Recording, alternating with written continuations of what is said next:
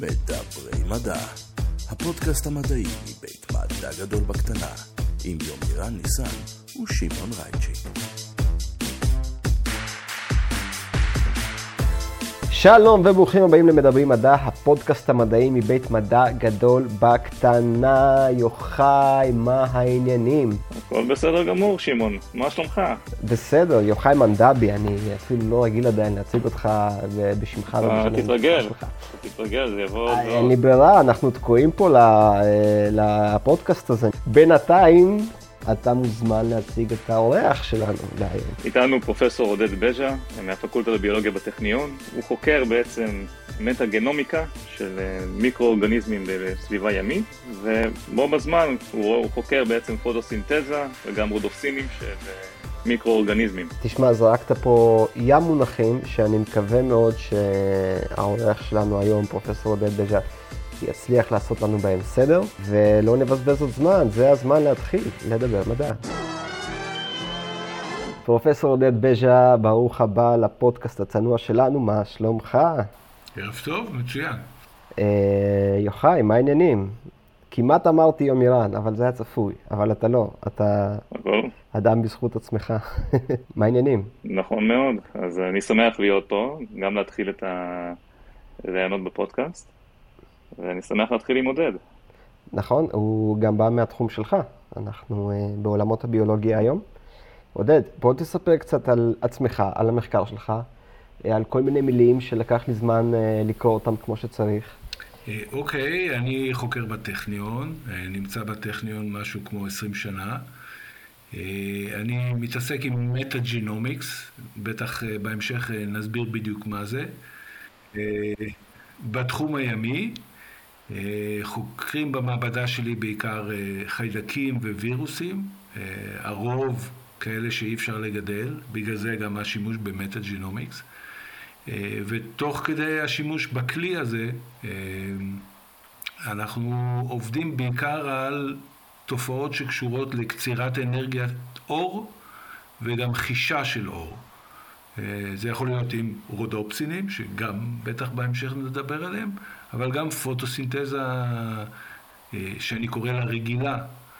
אה, אבל אה, אנחנו רואים למשל דברים שקשורים לפוטוסינתזה גם בווירוסים, אז דרך הכלי הזה אפשר, אפשר לראות המון דברים שלא ראו קודם פשוט. תשמע, אתה מגיע לפודקאסט בדיוק אחרי רצף פרקים שנגעו בחקר הביולוגיה הימית, התת-ימית, האוויר שמעל הים.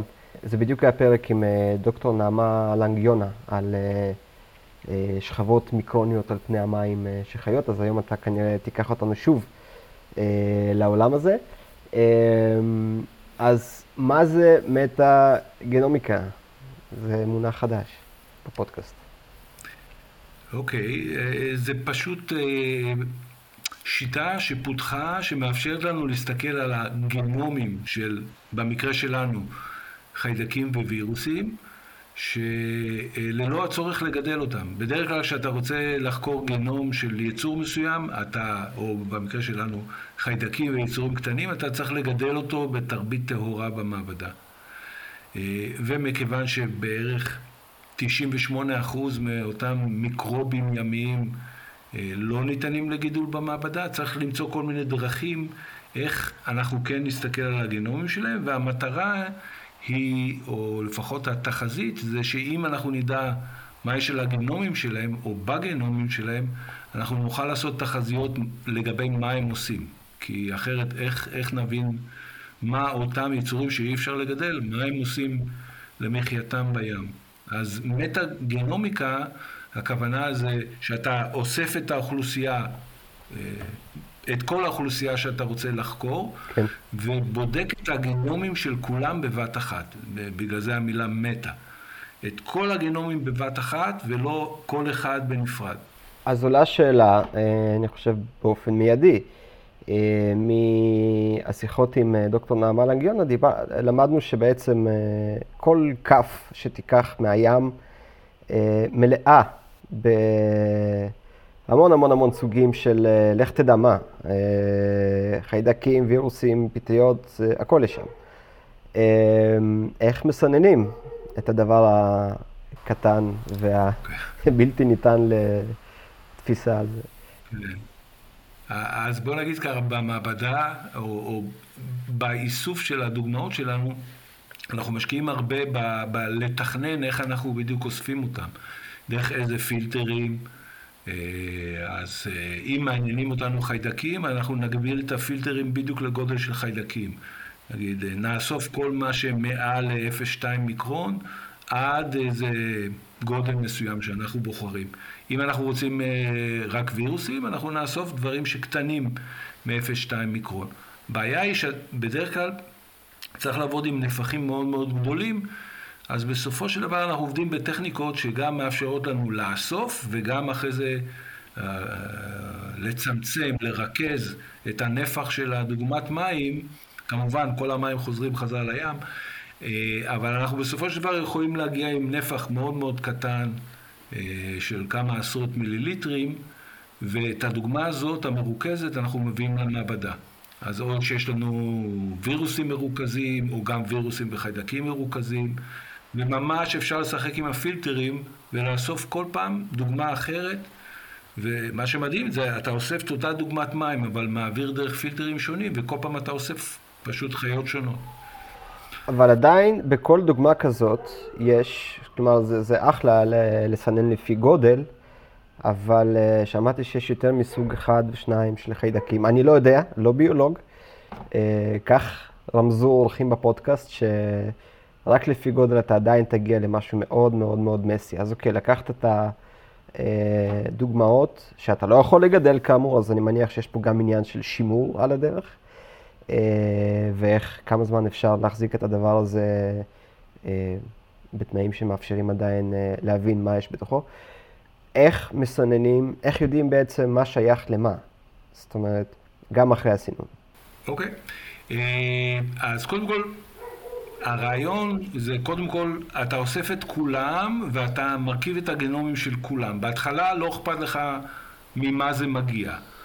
בדרך כלל כשמוצאים את הדברים המעניינים, אחרי זה אתה חוזר חזרה לדוגמה ומנסה לראות מאיזה יצור זה הגיע. Mm-hmm. אבל אה, אנחנו משתמשים פה המון, בהמון ביואינפורמטיקה. זאת אומרת, אחרי שאנחנו לוקחים את הגנומים האלה, אנחנו מרצפים אותם, ובסופו של דבר, אם ריצפנו, קוראים לזה מספיק לעומק, מספיק רצפים, אתה יכול לבקש מהמחשב שינסה לבנות לך את הגנומים, אבל, או, או בוא נגיד ככה, אם באמת הצלחת לבנות את כל הגנומים, אז המחשב יגיד לך, זה גנום מסוים, הוא מופרד מגנום אחר. אה, הרבה פעמים זה לא מתאפשר, כי בדרך כלל העלויות הן כל כך גבוהות שאתה עושה, צריך לעשות איזה החלטות אה, איפה לעצור בדיוק. אבל בסופו של דבר, אם, אם מצאת משהו מעניין, כמו רודופסינים, אותם חלבונים שאנחנו חוקרים, וגילית איזה משהו חדש, אז בדרך כלל אתה תנסה אה, דרך הגנומים לנסות לראות מאיזה חיה זה מגיע. באיזה חלק בגנום אתה מסתכל כדי להבחין אה, בין אה, האורגניזמים השונים? אז אה, אנחנו בדרך כלל, לא, לא רק, אבל בוא נגיד שאנחנו מתרכזים בגנום של, או גנומים של חיידקים. אז יש לחיידקים טביעות אצבע, אנחנו בדרך כלל מסתכלים על מה שנקרא ריבוזום על RNA. נהוג להשוות, אם אני משווה בין חיידקים אה, ומיקרואורגניזמים אחרים, אני משווה פשוט את הרצפים, וזה כמו שם משפחה של החיידק, לדוגמה. אז אם יש לי חתיכה של DNA, ויש כל מיני סמנים, בחלק מהסמנים אני יכול להגיד, אוקיי, זה בטוח הגיע מחיידק מסוים, ששייך למשפחה מסוימת, הרבה פעמים אפשר להגיע להימורים די בטוחים מאיזה יצורים זה מגיע, הרצפים. אתה יודע, יוחאי, זה, זה מזכיר לי את הפרק שעשינו אה, כאן על התגליות של אה, סביב מגילות ים המלח, כשבעצם עשו אה, ניתוח גנטי לפיסות הקלף, שגם שם הרבה מקרים היה פשוט אבק. אה, בתור כן, ממצא. רחבי, רחבי. נכון, נכון, נכון. אה, בדיוק כשהמאמר יצא. אה, בסופו של דבר זה להרכיב פאזל בעזרת DNA. זהו, ופאזל סטטיסטי, כלומר, אתה כנראה חושב שזה הגיע משם. מצוין, אז אה, סיננו וריצפנו, אה, ואמרת שבעזרת כל הדבר הזה אתה רוצה אה, בעצם לעשות תחזית לגבי התנהגות, או לנתח התנהגות שאתה צופה בה. איך הדברים מתחברים? המילה התנהגות קצת גדולה עליי פה. אני אתן דוגמה. אם היא גדולה עליך, אז היא בטוח גדולה גם עליי. אתה מוזמן לעשות adjustment למידות. כן, בוא... כי הראש שלנו לא גדול, תשמע, אנחנו אנשי החומרה, אנחנו... אה, אין לנו... בוא, בוא נגיד שאני רוצה לחקור אה, פוטוסינתזה, אוקיי? אה, צמחים עושים פוטוסינתזה, אצות, אבל גם הרבה חיידקים. אז אנחנו מדברים פה על קצירה של אנרגיית אור, בשביל גם להפיק אנרגיה כימית ואולי גם לקבע CO2. אנחנו יודעים כל מיני, או כל מיני גנים שמקודדים לחלבונים שאמורים לעשות את ה... או לבנות את המערכים הפוטוסינתטיים, ואנחנו יכולים לחפש אותם בגנומים. עכשיו, אם מצאנו חיידק מסוים שמכיל את המערכים האלה, אז אנחנו יכולים לעשות, או להגיד, אוקיי, זה וזה יודע לעשות פוטוסינתזה. הרבה פעמים גם מחוסרים, כאילו אנחנו רואים מישהו שיש לו מערכות פוטוסינתטיות, אבל חסרים לו כל מיני דברים, זה גם אומר לנו לגבי איך הוא אולי עושה את התופעה. אז אני לא הייתי קורא לזה התנהגות, אלא אה, אה, ביצוע תהליכים מסוימים שחשובים בביצוע התהליכים. ביצוע תהליכים מסוימים, יפה, ניסוח נפלא. איך ההבדלים ביניהם באים לידי ביטוי, כלומר אה, באפליקציה? אה, של מה שאתם למדים מה, מהשוני בין המיקרואורגניזמים. כלומר, האם יש אפליקציה שונה, האם אתם רואים אה, פיתוחים שיכולים כן. לקרות בעקבות זה? אז אה, יש הסתכלות אחת, שזה מה שהמעבדה עשתה הרבה שנים, וזה, אתה עושה, אה, איך אני אקרא לזה, מטה-גנומיקה השוואתית. זאת אומרת, כל מה שאתה מוצא, אתה משווה למה שכבר היה קיים. זה אפשרות אחת, והיא עובדת מצוין, כי רוב מה שאנחנו יודעים זה, אנחנו לא יודעים מספיק. ודרך אחרת זה לעשות, אה, וואי, תעזרו לי פה במילה בעברית, אה, functional metagenomics, זאת אומרת, מטה-גנומיקה לפי פעילות. בטוח אה, יוחאי יוכל לחשוב על זה. פונקציונלית. פונקציונלית, אני הייתי אומר פונקציונלית. צריך למצוא מילה יותר טובה. אתגר למאזיני הפודקאסט, למצוא מילה יותר טובה ל-functional metagenomics. שזה אגב שם מצוין ללהקת מטאל. יש לנו מסורת בפודקאסט כל uh, מילה מדעית שנשמעת כמו להקת מטאל, מיד קמה להקת מטאל. בטח יהיו פה הרבה. אה, עכשיו, יש, יש כמה דרכים, המטה-ג'ינומיקס שדיברתי, יש כמה דרכים לעשות. אחת, ותיקה שפותחה לפני יותר מ-20 שנה, שהמעבדה עדיין משתמשת, זה אומר שה... כמה זמן התחום הזה קיים? משהו כמו 25 hmm, שנה. אז יש כמה דרכים לעשות את אותן מטה-ג'ינומיקס. אה, מה שפותח לפני יותר מ-20 שנה ואנחנו עדיין משתמשים, זה שכל ה-DNA שאנחנו אוספים, אנחנו פשוט פיזית לוקחים אותו, הוא שבור לחתיכות אה, די גדולות, אבל בסופו של דבר אנחנו בכוח מכניסים אותו למיקרואורגניזמים אחרים, כמו קולי, אה, שזה החיידק האהוב במעבדות, אנחנו יודעים איך להשתמש בו והוא עוזר לנו גם להפיק את ה-DNA אה, וגם חלק מהתהליך אה, של הריצוף. זו שיטה ישנה, אבל זה אומר... נעשה בהזדמנות אה, פרק על החיידק הזה. זה חיידק מים שיש לכולם. זה, זה החיידק. ובסופו של דבר יש לנו במקרר, במינוס 80, ספריות אנחנו קוראים להם, של אי קולי, אותו חיידק, שכל, אנחנו קוראים לזה קלונים, כל אחד מהם מכיל מקטע שונה מהים של DNA. זה השיטה הישנה. ובשיטה החדשה אין צורך לעבוד עם אי קולי, אנחנו פשוט מפיקים DNA מהים, ובשיטות ריצוף החדשות אנחנו מרצפים ישירות. זאת אומרת, יש בה הרבה יותר מידע, המידע בהרבה יותר טוב, אבל הגישה הישנה מאפשרת לנו לעשות מה שקראתי לזה מטה-גנומיקה פונקציונלית, זאת אומרת, אנחנו באים ושואלים את אותו חיידק אי-קולי שהוא לא יודע לעשות יותר מדי דברים שקשורים לפוטוסינתזה, אתה יכול פתאום לעשות משהו שלא ידעת לעשות כי הכנסנו לך DNA זר, אה, וכן, ואז אפשר לגלות דברים שלא ציפית בכלל. אה, אי קולי פתאום שיודע לקצור אנרגיית אור. מי שמע על דבר כזה? ואז ברגע שמצאת דבר כזה, אתה הולך ומחפש את ה-DNA הזר שעזר לאותו אי קולי לעשות את התופעה הזאת, ופתאום אתה מגלה חלבונים שאף אחד...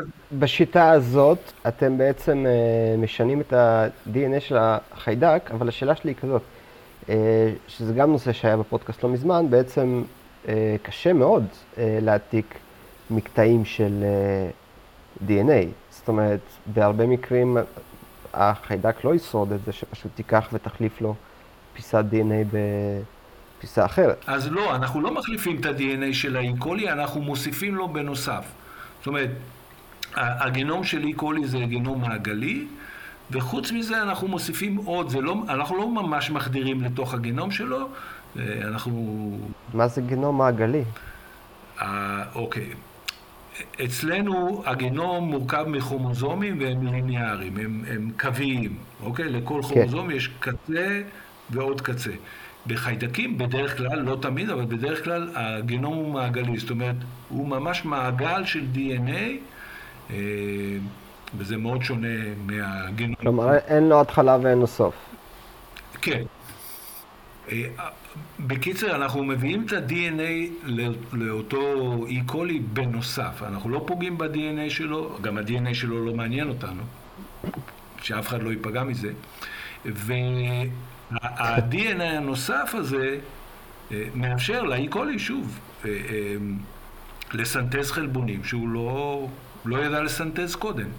ואם המבחן שאנחנו עושים לו הוא מספיק רגיש, אנחנו נראה כל מיני, מה שאנחנו קוראים קלונים חיוביים, שאחרי זה אנחנו נרצף אותם. כי, שוב, כמו שאמרתי, פתאום אפשרו לאי קולי אה, לקצור אנרגיית אור. אה, בעזרת אותם רודופסינים ש... שהזכרנו בהתחלה.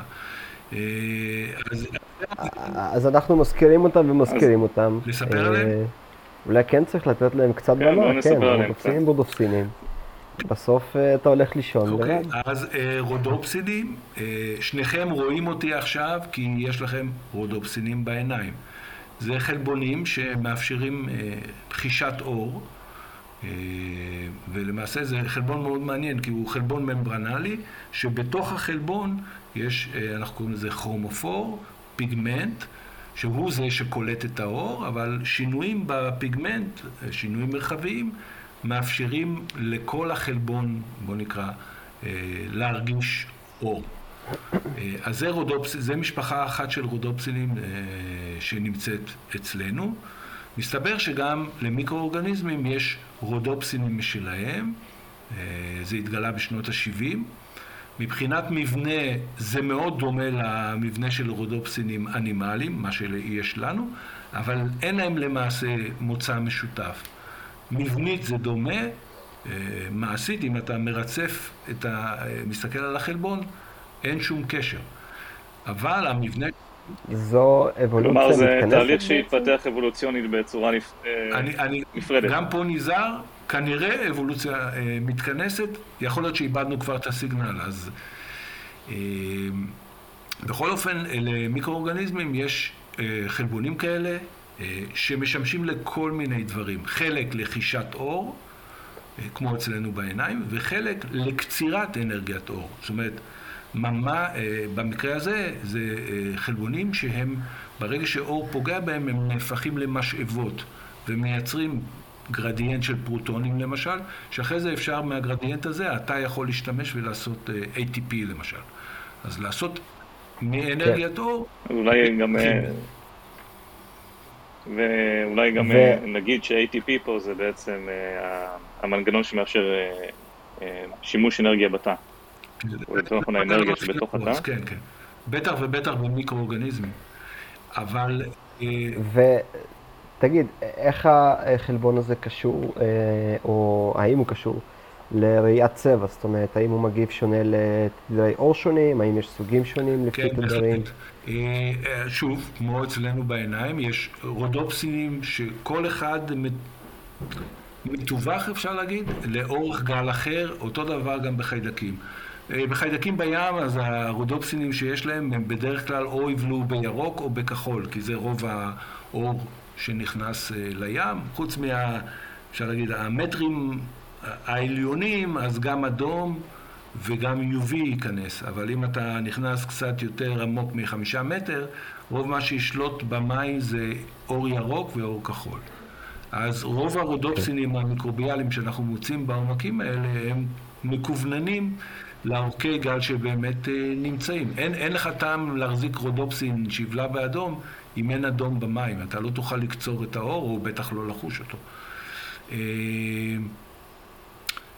אה, וזה, וזה, שוב, לדעתי זה מרתק, כי אם אתה אוסף רודופסינים ממש בפני השטח, אז יש גם ירוקים וגם כחולים וגם צהובים, וככל שאתה מעמיק, זה הולך ומצטמצם, זה תלוי באיכויות אה, מים שאתה דוגם. כלומר, האוכלוסייה הזאת, ודיברת על כמה מטרים, זאת אומרת, כל האוכלוסייה הזאת, שמתוכה אתה מנסה, מתוך המרק הזה, לסנן אה, אה, חלקי חומר גנטי, היא משתנה בצורה די קיצונית, לפי עומק, ואנחנו לא מדברים על קילומטרים, אלא ממש הקשר בין אה, בליעת האור של, של המטרים העליונים של המים. אה, וואו, כלומר, כן, הפילטר של 0.2 היה רק ההתחלה. כן, אבל גם סך הכל, אה, בוא נגיד בים, בוא נבחר ים אילת, אוקיי? שם האור הים האדום. הים האדום. אז אנחנו יכולים, הייתי אומר, אורי יחדור אפילו 150 מטר, עדיין יהיה קצת אור, שאותם מיקרואורגניזמים יוכלו לחוש. 150 מטר, זה די עמוק. כן. ים תיכון, הייתי אומר, שלא יתפסו אותי פה במילה, 50 מטר, כנרת זה כבר 9 מטר או 12 מטר. זאת אומרת, שוב, כל, כל ים עם האיכויות שלו, אה, כנרת, אה, הייתי אומר שהאור דווקא הירוק חודר יותר עמוק, אבל גם, זה כמה... זה... כל אלה מקומות שהיית בהם ודגמת, כן, אני כן, מניח. כן, כן. ים תיכון. אני מניח שזה גם מושפע מעונתיות גם. גם, בטח, בטח, בטח. אה, אם הים מתחמם, בעצם... יש לנו שכוב, ממש שכבות שלא מדברות אחת עם השנייה. אה, והכל אתה רואה בסופו של דבר בנתונים שאפשר להגיד שיושבים אצלך במחשב, אם אתה מנתח אותם, אתה ממש יכול אה, להגיד מה קורה פיזית אה, בדוגמה שדגמת. איזה שכבות יש, מאיזה עומקים.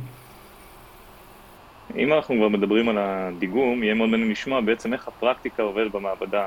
ציינתם שאתם יוצאים להפלגות, נכון? ודוגמים דוגמאות, כן. אז איך, איך זה עובד מההתחלה עד שזה מגיע לאיזו תובנה במעבדה?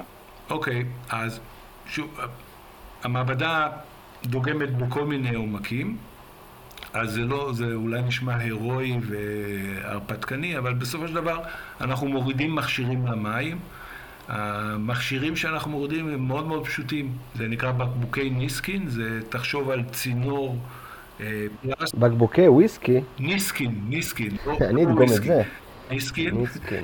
זה בסך הכל עולה המון כסף, אבל זה כמו צינור מים, אה, צינור פלסטיק שפתוח משני הצדדים, חלול, אה, ואנחנו מורידים לעומק שאנחנו רוצים, ואז יש שני פקקים שסוגרים אותו מלמעלה ומלמטה, ואז אתה מעלה אותו חזרה לסיפון, וזה המים שאתה דוגם. אתה יודע בדיוק מאיזה עומק דגמת, תוך כדי שהבקבוקים האלה, אתה בדרך כלל מוריד כמה בקבוקים ביחד, תוך כדי שהם יורדים לעומק, אתה יודע בדיוק לאיזה עומק הם ירדו, ויש המון מכשירים שיורדים יחד איתם, אה, מליחות, אור, אה, זאת אומרת, מודדים כל הזמן, pH, פלורסנציה, כן. זאת אומרת, אתה יודע המון נתונים ואתה יודע אחרי זה לשייך אותם או לעשות איתם קורלציה עם הדוגמאות שאתה אספת והגנומיקה שאספת. אז אני אומר בעצם להכיר את סביבת הגידול, כי בעצם כל עומק עם אור שונה ומליחות שונה זה סביבת גידול שונה לחיידקים.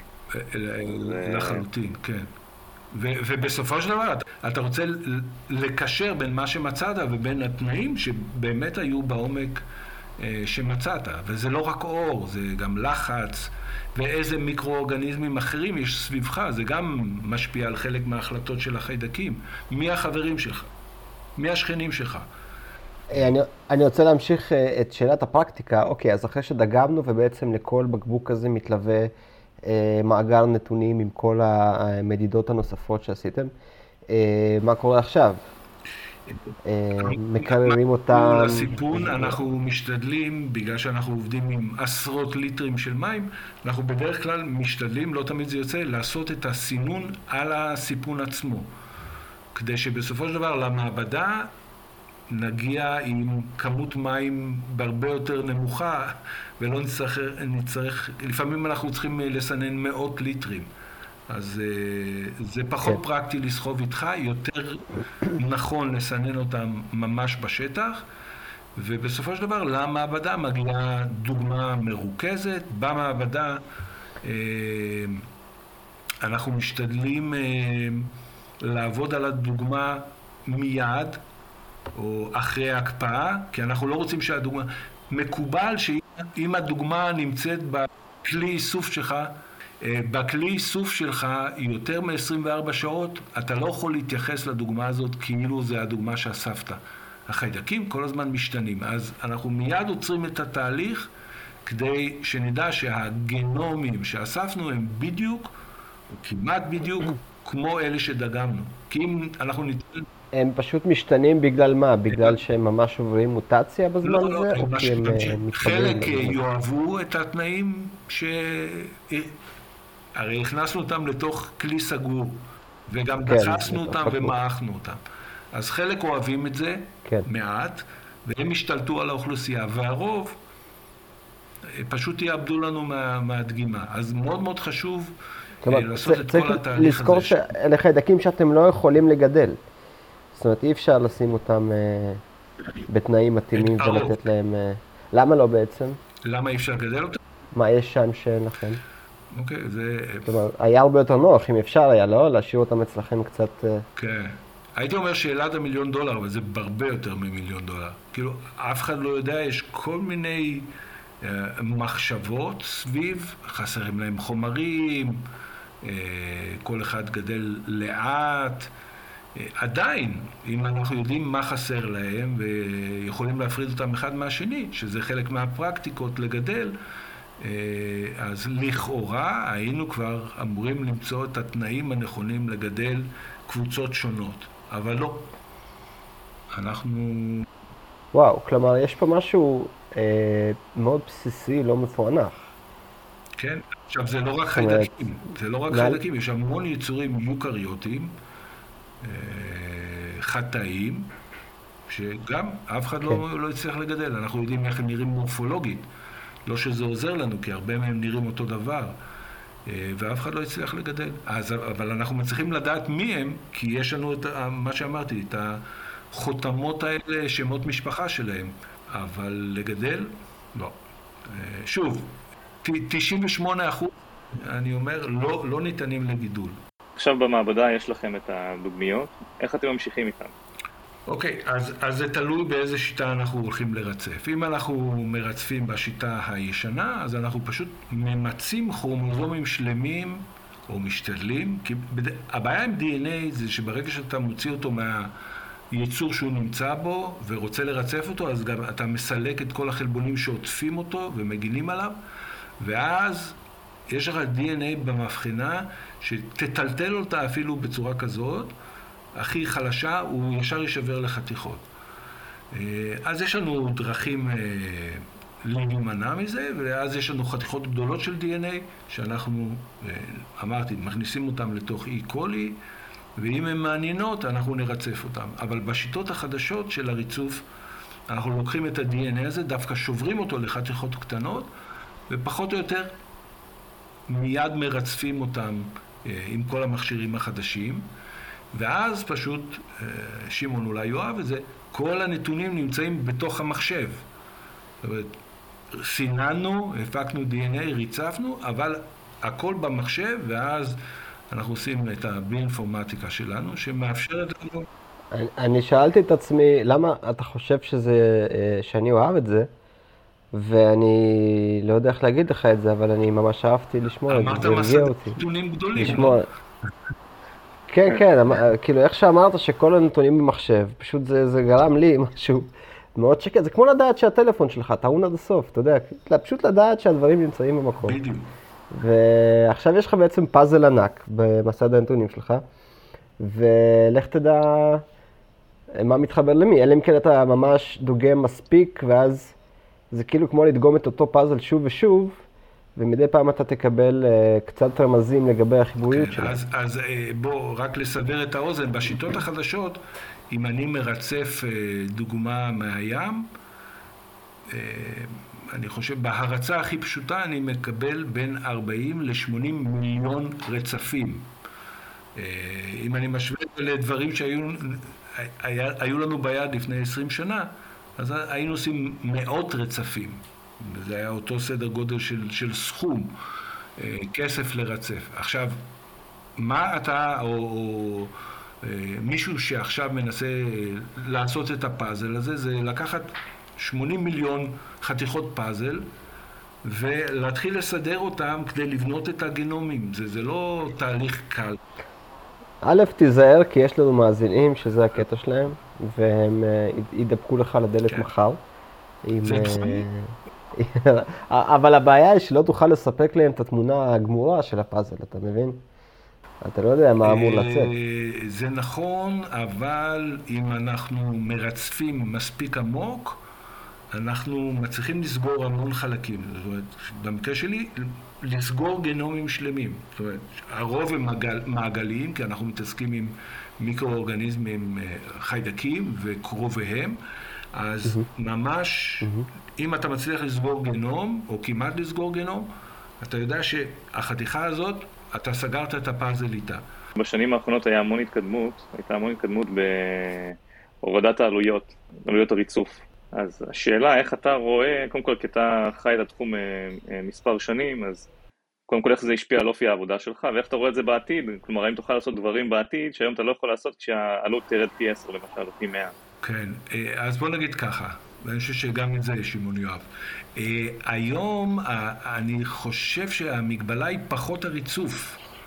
אה, אנחנו יכולים בסכומים סבירים לרצף המון. הבעיה היא אחרי זה זמן מחשב ולסגור את הפאזלים. זאת אומרת, יש מסדי נתונים כן. שאנשים עשו שיושבים, כי אין מספיק ביואינפורמטיקאים שיקדישו את הזמן כרגע, אין מספיק כאלה, בשביל לנסות לסגור את הפאזלים. זאת אומרת, מה שעכשיו המגבלה, ובטח תהיה גם בעתיד, זה זמן מחשב ואנשים שיעשו את האנליזות.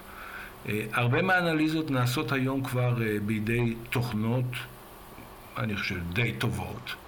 זהו, רציתי לשאול, זאת אומרת, כמה, כמה הגורם האנושי פה הוא אה, פקטור? אה, הוא עדיין פקטור מאוד מאוד גדול, בואו נקרא לזה ככה. אה, כי אין תוכנות מספיק חכמות, לא, כי... או מספיק, אה, אני לא יודע אפילו מה לא. לא, לא, אבל פשוט כל דוגמה שמישהו מביא היא בעלת אופי שונה. אה, אם אה, הדוגמה תהיה מורכבת אך ורק מחיידקים, צריך לעשות על או גנומים מעגליים בגודל מסוים ממוצע, האנליזה נעשית בדרך מסוימת.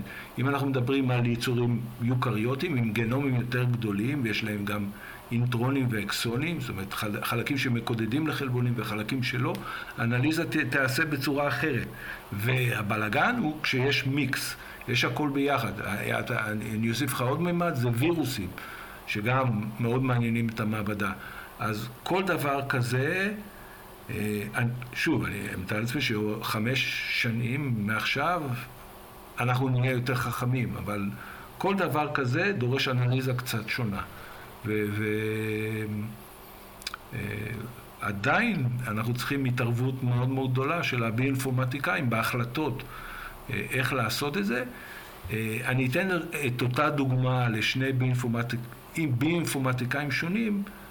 היום עדיין יכול להיות שהם ירכיבו, כל אחד ירכיב את הפאזל קצת שונה. ככל שאנחנו מתקדמים עם התוכנות, בסוף שניהם יגיעו לאותו פתרון. ואז זה אומר שאתה יכול להשוות תוכנות שונות, אם הן מגיעות לאותו פתרון, אתה אומר, אוקיי, כנראה זה הדבר הנכון, אבל זה לא טריוויאלי בכלל. אוי, זה, זה כמו uh, התמונה של החור השחור, uh, שהיו שם כמה צוותים שניסו מהדאטה לחלץ את התמונה, וכל אחד עבד בשיטה קצת אחרת, והם לא שיתפו את המידע, uh, ובסוף הם ממש היו צריכים לקבל את, את אותה תמונה פיקסל ביי פיקסל. Uh, ורק כשהם שניהם קיבלו את אותו הדבר, אז ידעת שזה מאלף. איזה... תמיד כששומעים על טכניקות של מדענים, אה, והאופי שבו הם מציבים את השאלות, כי השאלות עצמן בדרך כלל, אוקיי, אתה יכול להבין מה מנסים לעשות, אבל מה שאני באמת אוהב בלשמוע, בלשמוע אה, על, על מחקרים כמו של עודד, זה באמת ה, ה, הקושי הוא לא תמיד מובן מתוך ההסבר. זאת אומרת, לא מובן עם כמה חתיכות DNA מתוך, כש-DNA זה דבר ארוך, מסורבל, ואנחנו מדברים פה על כמה יצורים, כמה סוגי יצורים, אה, זה פשוט מטורף.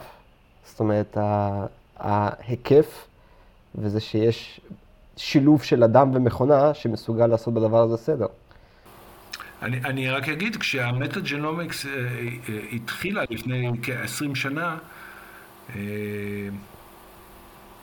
אנחנו היינו מאוד מאוד מוגבלים בכמויות של הריצופים ובזמן מחשב או היכולת מחשוב שלנו. היום אנחנו לכאורה 20 שנה, אבל התרחש המון.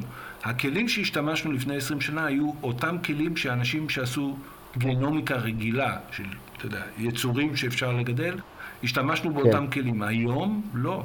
היום הכלים שמשתמשים במטה-ג'נומיקס הם אולי דומים, אבל הם שונים כבר, כי אתה עובד עם אוכלוסייה. אתה צריך להפריד את הגנים. זה, זה, זה בדיוק העניין של אה, לחדד את השאלה.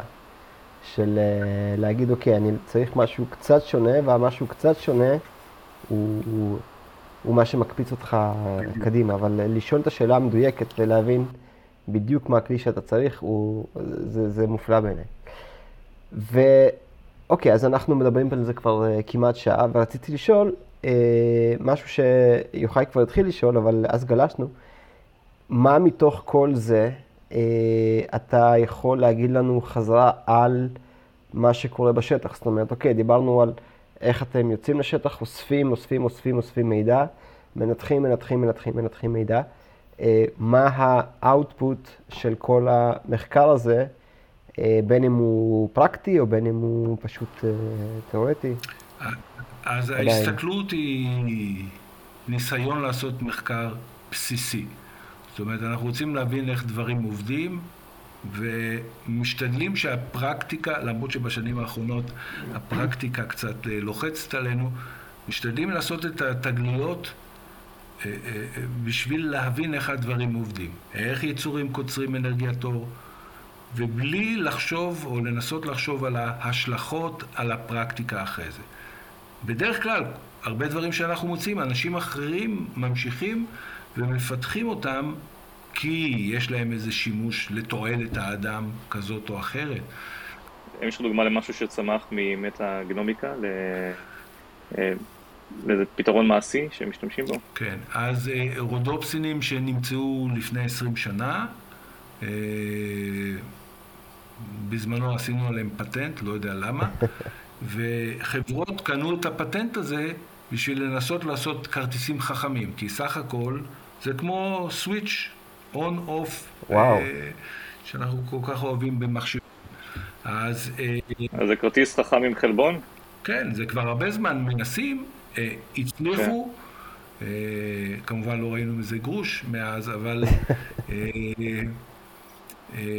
היכולת לקחת חלבונים שיכולים לחוש אור, ברגע שפוטונים פוגעים בהם, הם משנים מבנה, אה, זה מאפשר גם לשמור מידע.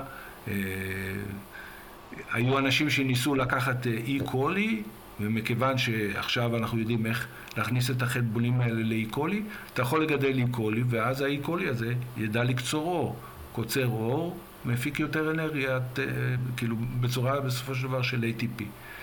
אה, אז יש, שוב, זה דברים שאנחנו לא חשבנו. תשמע, זה מדהים. מכל השימושים שהעליתי בדעתי, אה, לא חשבתי על כרטיסים חכמים, חשבתי אולי, אה, אתה יודע, היו פה פרקים על גידול אצות בשביל אוכל לעתיד, אז אמרתי, להם זה בטח רלוונטי, ואתה באת ואמרת, כרטיסים חכמים. לא, זה רק... זה רק מראה עד כמה... בדיוק. כן. כמה אי אפשר לצפות מה שגילית, למה הוא ישמש. כן, בהחלט. ידע זה כוח. זה, זה המסקנה שלי. יאללה, יוחאי, שאלתך לסיום, כי אנחנו אה, אפילו לא שמנו לב, אבל אה, ככה זה, אתה תתרגל. בפודקאסט פשוט לא שמים לב, הזמן עובר, ופתאום אתה יודע דברים. אז אה, כפי שאנחנו רואים, המגוון של השימושים הוא מאוד רחב. מה אתה היית מקווה בתור חוקר למצוא בעזרת מטה-גנומיקה? כלומר, מה הדבר שתגיד, וואו, בשביל זה אני נמצא במעבדה כל היום. אז מדי פעם קורים אה, דברים כאלה. אה, אה, הדברים המעניינים זה דברים שאני, כשהם קרו, לא יכולנו, או כמעט לא יכולנו לחזות אותם. אני אתן דוגמה ממש קטנה, שמצאנו, מר, לא בדיוק מערכות, אבל את היכולת להחזיק חלבונים פוטוסינתטיים בווירוסים, בחלק מהווירוסים. היום אנחנו כבר יודעים שהתופעה הזאת בהרבה יותר נפוצה. כשאנחנו חיפשנו כאלה דברים, לא חשבנו שהם בכלל יהיו בווירוסים. פתאום ראינו אותם בווירוסים, וזאת הייתה תגלית גדולה. או לא מזמן, מדהים. לא מזמן מצאנו משפחה חדשה של רודופסינים, היא דרך ה-functional metagenomics, שגם היא לא הייתה כל כך דומה למשפחות אחרות. אז ההסתכלות והניסיון לעשות, אה, איך אני אקרא לזה, סדר בתוך כל הבלגן של הגנומים, אם אתה מצליח רק מראה... לעשות את הסדר. כמה, כמה עוד יש לגלות. כן, כן, באמת. אנחנו מדגדגים את, ה, את הקצה רק. כלומר, וירוסים שבחלבונים שלהם, שבמעטפת החלבונים שלהם היו רודופסינים לא, והם... לא, לא, לא. זה היה הפוטוסינתזה. לא, יש להם את היכולת הגנטית, ומה שקורה, והראינו את זה כמעט תשע שנים אחרי התגלית, הראינו אה, איך זה באמת עובד. הווירוסים האלה תוקפים סיינובקטריות, חיידקים שיודעים כבר לעשות פוטוסינתזה, אבל הם באים עם עוד מטען ומידע על איך לעשות פוטוסינתזה, ומשנים את הפוטוסינתזה של החיידקים שהם תוקפים. וואו. הם גורמים להם לעשות פוטוסינתזה קצת שונה, אה, וזה רק אומר שהיכולת של הווירוסים לעשות מניפולציות למאחסנים שלהם, לא, זה לא סתם, כמו שאנחנו בדרך כלל מדמיינים, הם באים, משתלטים, מפוצצים ו, ויוצאים החוצה. לא, הם שולטים על כל התהליך תוך כדי. לא, הם עושים פה ממש הנדסה משלהם. כן, והם משנים לטובתם. במקרה הזה הם גורמים, הם גורמים לא, לאותם חיידקים שהם תוקפים להמשיך לעשות פוטוסינתזה תוך כדי התקיפה, ובצורה שונה מאשר החיידק היה רגיל. טוב, תשמע, יוחאי, אה, אה, עוד פרק שלימד אותנו להיזהר מווירוסים. כן. מה שמדהים פה, שהתובנה הזאת היא שהווירוסים אה, תורמים לתהליך של הפוטוסינתזה בתוך החיידק, או משנים אותו בכל מקרה, הגיע לפני שראו את זה במעבדה. כלומר, ראו את הגנים, ואז אמרו, טוב, יש פה איזה משהו מאוד מעניין וחדש, כנראה אולי זה מה שקורה, ולקח כמה שנים, כמו שאמרת, תשע שנים, עד שראו את זה במעבדה. אני, אני אגיד לך מה הייתה המגבלה פה. ברגע שמצאנו את הווירוסים האלה, אה, הכוונה באמת הגנומיקה, כי, כי לא, הם לא היו לנו ביד, לא ידענו, עשינו תחזית לגבי את מי הם תוקפים, אבל לא באמת ידענו איזה חיידקים הם תוקפים. ורק אחרי שהגיעה דוגמת מים נכונה, שאפשרה לנו לבודד בסופו של דבר במעבדה את הווירוס בתרבית, שוב, זה היה תשע שנים אחרי התגלית שגינינו את המציאות של הווירוס הזה, רק אחרי שהצלחנו לגדל אותו, הצלחנו להבין מה המערכת יחסים שלו עם החיידק שהוא תוקף. אז מטה ג'נומיקס זה מאוד מאוד חשוב, זה מה שאני עושה. אבל בסופו של דבר, אם אנחנו מצליחים, אם אנחנו כן מצליחים לגדל את המיקרואורגניזמים ואת הווירוסים שהם תוקפים, ש, שתוקפים אותם, אז זה מאפשר לנו להבין את הסיפור יותר לעומק, כי אנחנו יכולים לעשות, להתחיל לעשות ניסויים במעבדה, לא רק אה, לרצוף. כלומר, אה, להיות מסוגלים לגדל את האורגניזמים האלה זו אחת המטרות של המחקר. להבין מה מייצב אותם ולנסות... אה, להסתכל עליהם תחת זכוכית מגדלת אה, יותר. זה עוזר לנו לנסות להוכיח את ההיפותזות שהעלינו דרך המטה-גנומיקה. אה, השימוש במחשוב הוא מאוד מאוד יפה, אנחנו עושים את זה, אבל אתה מגיע לאיזה היפותזה, איזה רעיון, ובשביל להוכיח אותו, בדרך כלל הכי טוב זה לנסות לגדל את המיקרואורגניזמים האלה. אה, זה יעזור. מטה-גנטיקה זה בעצם ההתחלה, זה ההתחלה של התהליך. זה הגילוי של התופעות, אבל אחרי זה לנסות כן. לכמת אותם ולהבין אותם יותר לעומק, אה, רצוי שיהיה גם תרבית במעבדה. טוב, תשמע, כמו תמיד בפודקאסט, אה, כשחשבנו שמשהו קשה, מגיע מישהו ואומר, אה, ah, אני עושה את זה בעיניים עצומות ועם יד אחת שקשורה מאחורי הגב, כשאני גם לא רואה על מה אני עובד. אז כן, אחד, אחד הפרקים האלה. ותשמע, פרופסור עודד בז'ה, אנחנו כנראה נשמח לארח אותך אה, לדבר עוד קצת על כל מיני דברים. אה, בוודאי ובוודאי, אה, אם וכאשר המחקר שלך יניב איזושהי תובנה שאולי שווה להקדיש לה עוד פרק. אני בטוח שלכל התובנות שווה להקדיש פרק, אבל תלוי בך מתי בדיוק תרצה לחלוק איתנו עוד מהידע שלך. בינתיים אני חושב שהיה לנו אחלה פרק. אה, אני קצת אה, התרגשתי מכל העניין של אה, החלפת המנחה, אבל נראה לי שצלחנו את זה בשלום. יוחאי, מה אתה אומר? אני חושב שהיה נהדר. אני גם חושב שהיה נהדר, וזה היה עוד פרק של מדברים מדע, הפודקאסט המדעי מבית מדע גדול בקטנה. אתם כמובן מוזמנים לשאול אותנו שאלות, להיות איתנו בקשר בכל האמצעים, בכל המדיות החברתיות. אתם מוזמנים לשאול שאלות לאורחות ולאורחים שהיו ושיהיו. תתעדכנו בפוסטים לגבי אה, מה הולך לבוא אה, אלינו בשבועות הקרובים. ויש לנו גם פטריון, אנחנו מאוד מאוד נשמח לקבל את הכסף שעבור עבדתם ממש ממש קשה, ואנחנו רק ישבנו וקשקשנו כאן במשך שעה. אה, אם זה נראה לכם הסידור הזה, כנסו, חפשו אותנו Little Big Science באתר פטריון. אנחנו נשתמע איתכם בפרק הבא של מדברים מדע. עד אז, ביי ביי.